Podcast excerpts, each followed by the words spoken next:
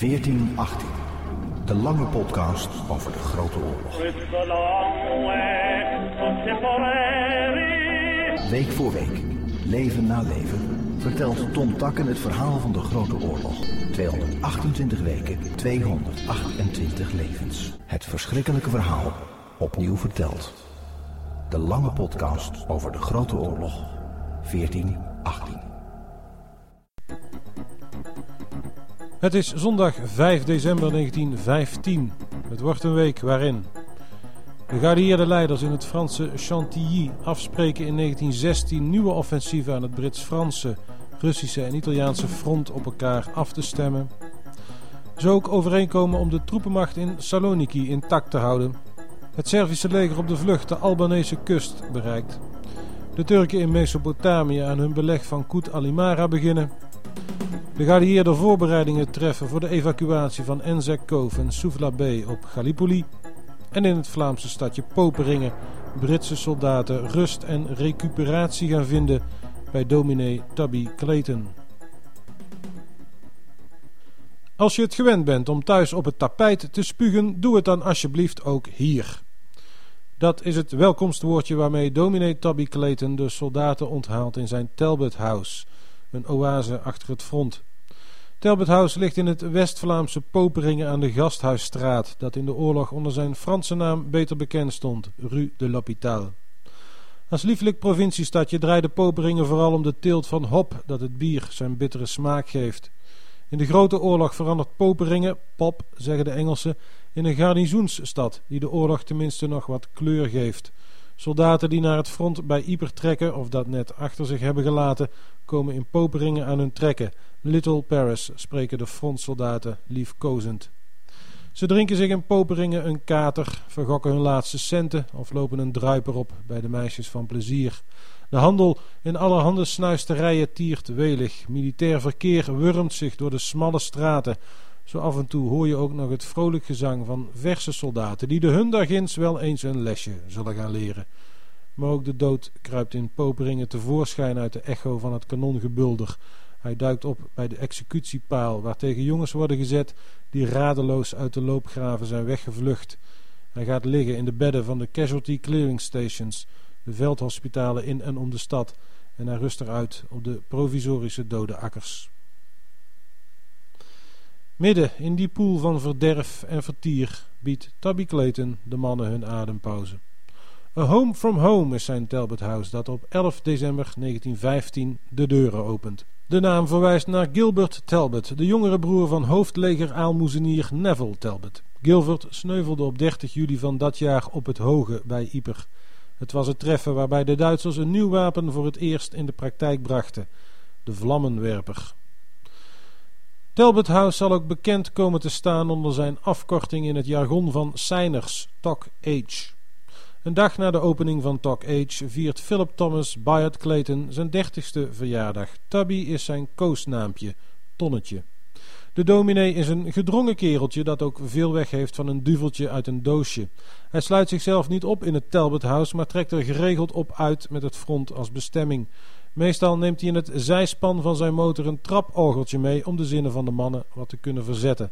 Achter zijn bril straalt zijn gezicht onschuld uit, maar dat is uiterlijke schijn. Tubby Clayton weet precies wat hem in het leven te doen staat. Auteur Melville Harcourt schetst in een biografie uit 1953 met de titel The Impudent Dreamer, de schaamteloze dromer, een willekeurig uitstapje naar het front. Gehuld in andermans legerjas, die dus vele malen te groot is, duikt Tubby in de saillant van Yper bij een artillerieeenheid op en deelt de commandant mee dat die er een gast voor de nacht bij heeft. Binnen twee minuten heeft de onstuimige Reverend de manschappen in een staat van opwinding gebracht. Een bezoek van Tubby betekende meer voor het moreel van de troepen dan honderd pep talks van de commanding officer, typeert Harcourt. Talbot House is een everyman's club, anders dan de vele officierenclubs die ook in Poperingen te vinden zijn. Tubby zwaait er de scepter, maar hij kan blindelings vertrouwen op zijn rechterhand, Private Arthur Pettifer, een ritselaar van je welste. Bij beschietingen ziet Pettifer er ook op toe dat zoveel mogelijk Poperingse kinderen veilig in de schuilkelder onder de tuin worden opgeborgen. Niet voor niets gaan ze hem Le Général noemen. Tot zijn dood in 1954 zal Arthur Pettiford Tubby Clayton blijven dienen. De hiërarchie van het leger houdt Tubby buiten de deur, schatplichtig aan Dante, die bij de poort naar de hel stervelingen al hun hoop ontnam, heeft Tubby op een bordje bij zijn kamer laten schrijven: All rank abandon, ye who enter here. Laat varen alle rang, gij die hier binnentreedt. Ik voelde me als Alice die door de spiegel Wonderland binnenstapte, zo omschrijft een soldaat zijn eerste indruk. Het huis herbergt een bibliotheek en biljarttafel. In de Friendships Corner kunnen gasten, op zoek naar familie of vrienden, hun naam achterlaten. De tuin wordt naar de beste Engelse traditie keurig onderhouden. Kom in de tuin en vergeet de oorlog, luidt Tubby's uitnodiging aan de troepen. Maar het fundament van Talbot House is de zolder. De vergelijking komt van Tubby Clayton zelf. Tubby heeft op de bovenste verdieping zijn kapel ingericht. De werkbank van een timmerman doet dienst als altaar. Meer dan 25.000 soldaten zullen er deemoedig het hoofd gaan buigen. Menigeen laat zich ook door Tubby dopen. Een van hen, Archie Forrest, staat erop dat Tubby op het eerste sacrament meteen ook de eerste communie en het vormsel laat volgen. Zes weken later sneuvelt Archie Forrest in de slag bij Passendalen. Zijn vrienden schenken Talbot House een stoel die ook als tafeltje dienst kan doen. To the glory of God and in memory of Archie Forrest, tekenen ze erbij aan. Zo vult Talbot House zich met de kleine relieken van een grote oorlog. Corporaal Charlie Payne vindt in de ruïne achter het somfront een houtsnijwerk dat een knielende monnik voorstelt. Hij wil het geven aan Tabby, een oude bekende van hem, maar voor het zover is, komt de korporaal om in de strijd. Zijn kameraden brengen dan maar het houtsnijwerk naar de dominee van Talbot House, en die geeft de knielende monnik een plekje in zijn kapel, stille getuige uit een orkaan van geweld. Talbot House krijgt na verloop van tijd ook een concert hall. Die wordt ondergebracht op de eerste verdieping van een voormalig hopmagazijn naast het herenhuis. Bonte avonden met zang en muziek spelen zich eraf. Films worden vertoond, debatten gehouden. Uit de zomer van 1917 stamt het verhaal van een onbekend gebleven kanonier die het podium van de concert hall opstapt, een requiem voor zijn gesneuvelde kameraad aanheft en de zaal muisstil achterlaat als hij wegglipt in de nacht. Tabby Clayton was geboren in Queensland, Australië, maar op zijn tweede al bracht tegenslag zijn ouders ertoe om zich weer in Engeland te vestigen. Hij groeide op in Londen en stuurde theologie in Oxford. Na zijn wijding tot priester in de Church of England ging hij vijf jaar pastoraal aan de slag in Portsea. Zijn bijbellessen voor jongeren werden ware happenings. Toen de oorlog uitbrak, wou hij zo snel mogelijk naar het front om de lads bij te staan, maar het zou enkele maanden duren voor de kerk hem liet gaan. Na de oorlog zal hij veertig jaar lang als vicar verbonden blijven aan All Hallows by the Tower in het hart van Londen. Het koninklijk huis neemt hem als hofpredikant aan. Vooral met de Queen Mother, de echtgenote van koning George VI, gaat hij een warme band onderhouden.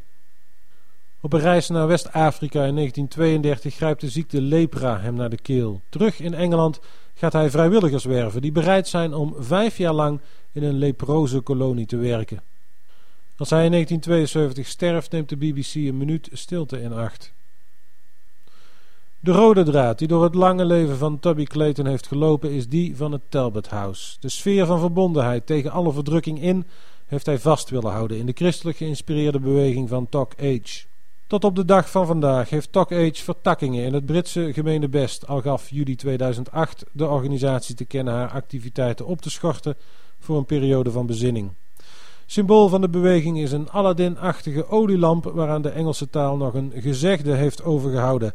As dim as a talk age lamp gaat voor een onbenullig iemand op, maar dat strookt niet met de idealen van talk age. Ruimhartig liefhebben, dapper bouwen, eerlijk denken en nederig getuigen, dat zijn de vier doelen die de leden van Talk Age zich gesteld hebben. Ieder jaar op 12 december, verjaardag van Tubby Clayton, steken ze ook zijn lamp aan om de Talk Age World Chain of Light te vieren. Talbot House zelf is ook bewaard gebleven. Het herenhuis was bij het begin van de Grote Oorlog eigendom van de welvarende bankier en hophandelaar Maurice Koevoet. Toen het oorlogsgeweld de man te nabij kwam, droeg Koevoet zijn woonhuis voor een huur van 150 frank per maand over aan het Britse leger. Na de oorlog nam Koevoet opnieuw zijn intrek in het pand aan de Gasthuisstraat. Gaandeweg rijpte bij hem het besef dat zijn onroerend goed ontroerende waarde had. In 1929 verkocht hij zijn statige pand aan Lord Wakefield of Hythe, die het op zijn beurt weer ter beschikking stelde van Tubby Clayton en zijn Talk Age-beweging. Aan het eind van de Eerste Wereldoorlog had Talbot House nog ontruimd moeten worden voor de oprukkende Duitsers, maar ook in de Tweede Wereldoorlog vrezen sympathisanten van Talbot House de roofzuchtige wraak van de Duitsers.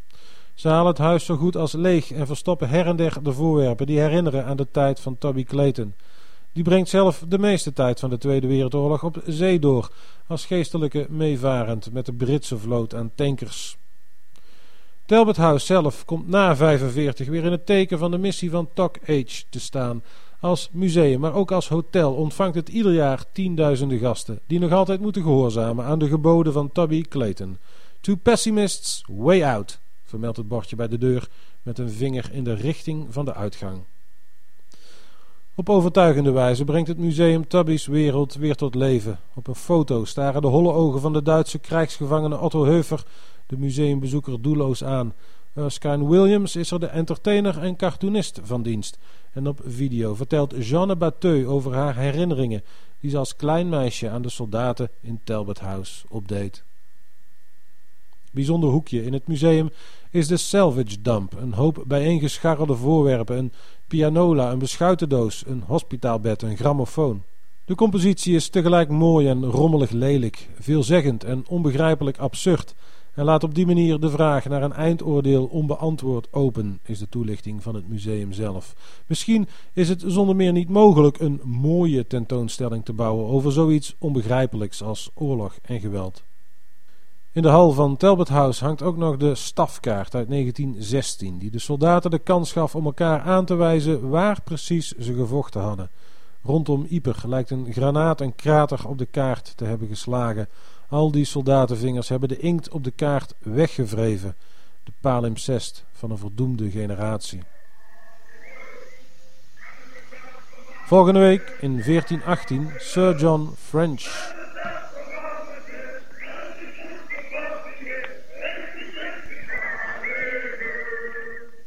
Steun dit project en word volger van 1418.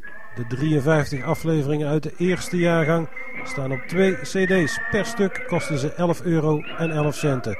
Een symbolische prijs. Voor die 11,11 euro 11 krijg je de rest van dit jaar ook de wekelijkse nieuwsbrief per mail. Loop met me mee, helemaal tot aan 11 november 2012. Meer informatie vind je op www.1418.nl 1418 niet in cijfers, maar in letters.